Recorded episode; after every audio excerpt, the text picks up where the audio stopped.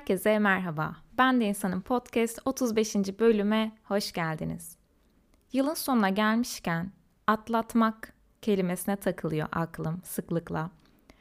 Ve bir kelimeyi uzun süre tekrarlayınca ve üzerine düşününce ona yabancılaşıyorum. Bu bir yerde iyi çünkü yabancılaşmanın ardından tanışma süreci gerçekleşiyor ve ezberimi bir kenara bırakıp o kelimeye tekrar bakabilme olanağı yaratmış oluyorum. Bu tabii yalnızca kelimeler için geçerli değil. Belki de buradaki mesele daha çok o şeyin bize bütünüyle tanıdık geldiğine ve onu bütünüyle bildiğimize ilişkin inançlarımızı sorgulamaktır. Bu bir kelime de olabilir, bir insan da olabilir.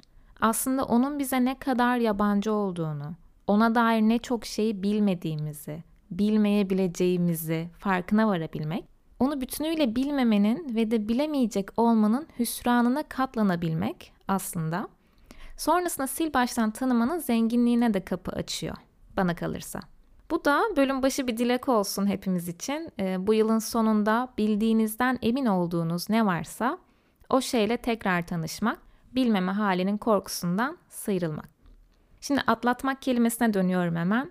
Bir şeyleri atlatmak diyoruz. Atlamak demiyoruz mesela. Buraya çok takıldım. Atlayıp geçmekten bahsetmiyoruz. Bu sanki bir şeyi bir eşiğin üstünden geçirmek, atlatmak gibi. Önümüzde hep eşikler oluyor ve bir şeyi kaldırıp o eşiğin üzerinden atlatmamız gerekiyor sanki. Ancak bazen o şey öyle ağır oluyor ki atlatmayı bırakın kaldıramıyoruz bile. Kaldırması güçleşiyor ve onu orada tuttukça, kaldırmanın yollarını aramadıkça, atlatmaya gönüllü olamadıkça Bugün yaşadıklarımızla o şeyi ağırlaştırıp duruyoruz ve kaldırması her geçen gün biraz daha zorlaşıyor. Bir yerden sonra da dursun burada diyoruz. Kaldıracak hiç gücüm yok. Onu kaldırmaya çabalarken kendimizi zedelemekten korkuyoruz aslında. Sonra bir de o zedelenen yerlerimizin ağrısıyla kalmak istemiyoruz belki de. O yeri bir türlü kımıldatamadığımız o şeye ayırıyoruz. O şey artık her neyse. Herkes için değişebilir. Bunu sakıncası yok zannediyoruz. Orada öylece duruyor zannediyoruz. Ama o orada bir yer kaplıyor.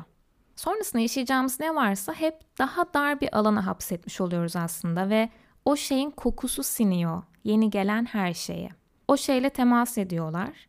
Bazen biçimleri değişiyor. Kendilerini onun varlığından arda kalan yerlere sıkıştırabilmek için. Yeni gelen kendisi gibi gelemiyor böyle olunca da. Onu o kendisi gibi o şekilde göremiyoruz. O şekilde kabul edemiyoruz.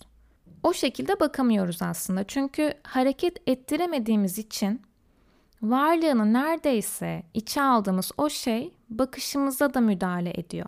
Hayatımızda ondan nerede kalan yere ne kadar uyduklarına göre değerlendiriyoruz karşımıza çıkanları.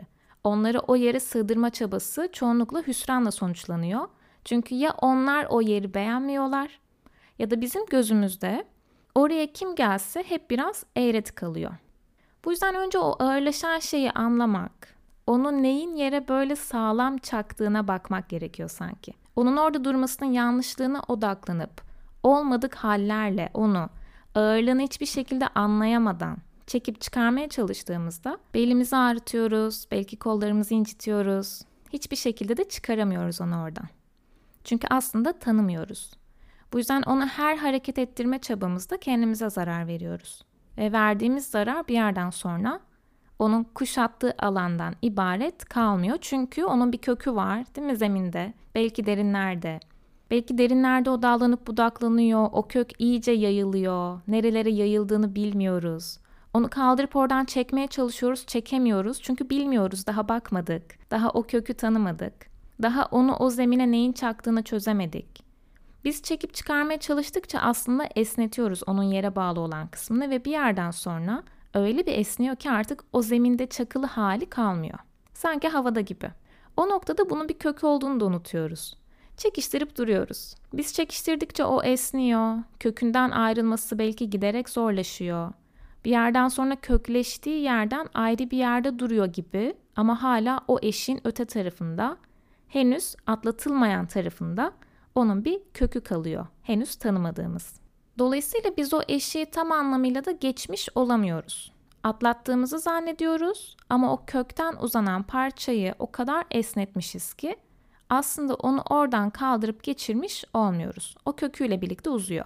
O eşiğin üstünden, onun o kökten ayrılan parçası uzuyor.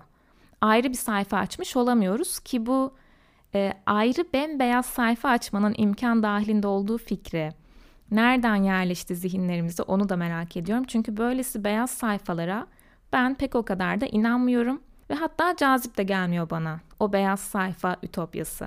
Belki izleyenleriniz vardır. E, Leyla ile Mecnun dizisinde Mecnun'un yine çölde olduğu bir sahnede e, baktığı harita geliyor aklıma. Bu beyaz sayfayı düşündüğümde. Bomboş bir harita ve üzerinde yalnızca bir nokta var ve şu an buradasınız yazıyor. Mecnun da soruyor. Şu an buradayım da nerenin burasındayım? Ve ardından hiçbir şeyin ortasındayım diye devam ediyor. O beyaz sayfa biraz da böyle aslında. Hiçbir şeyin ortasında kalmak gibi.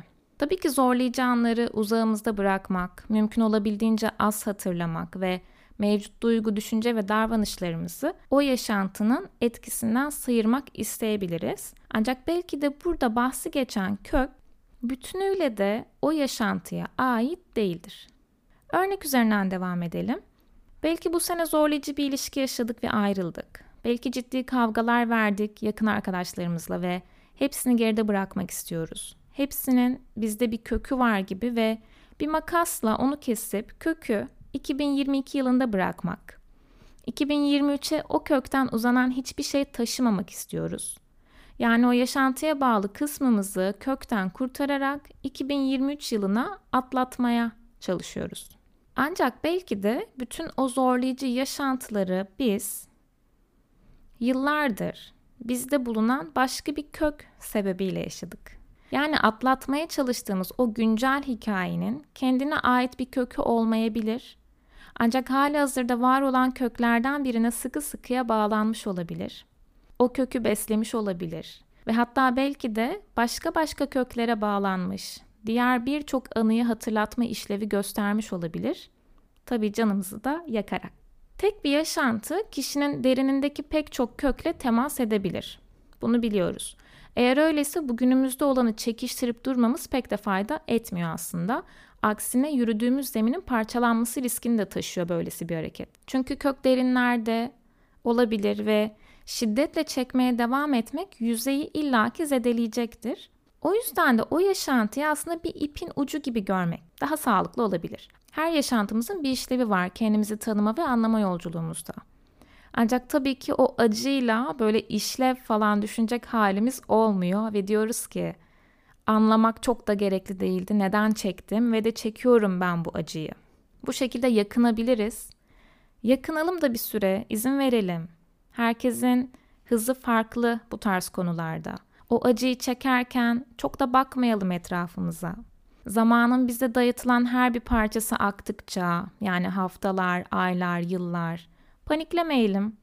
Bir yıl daha geçti ben hala aynı yerde sayıklıyorum demeyelim mesela.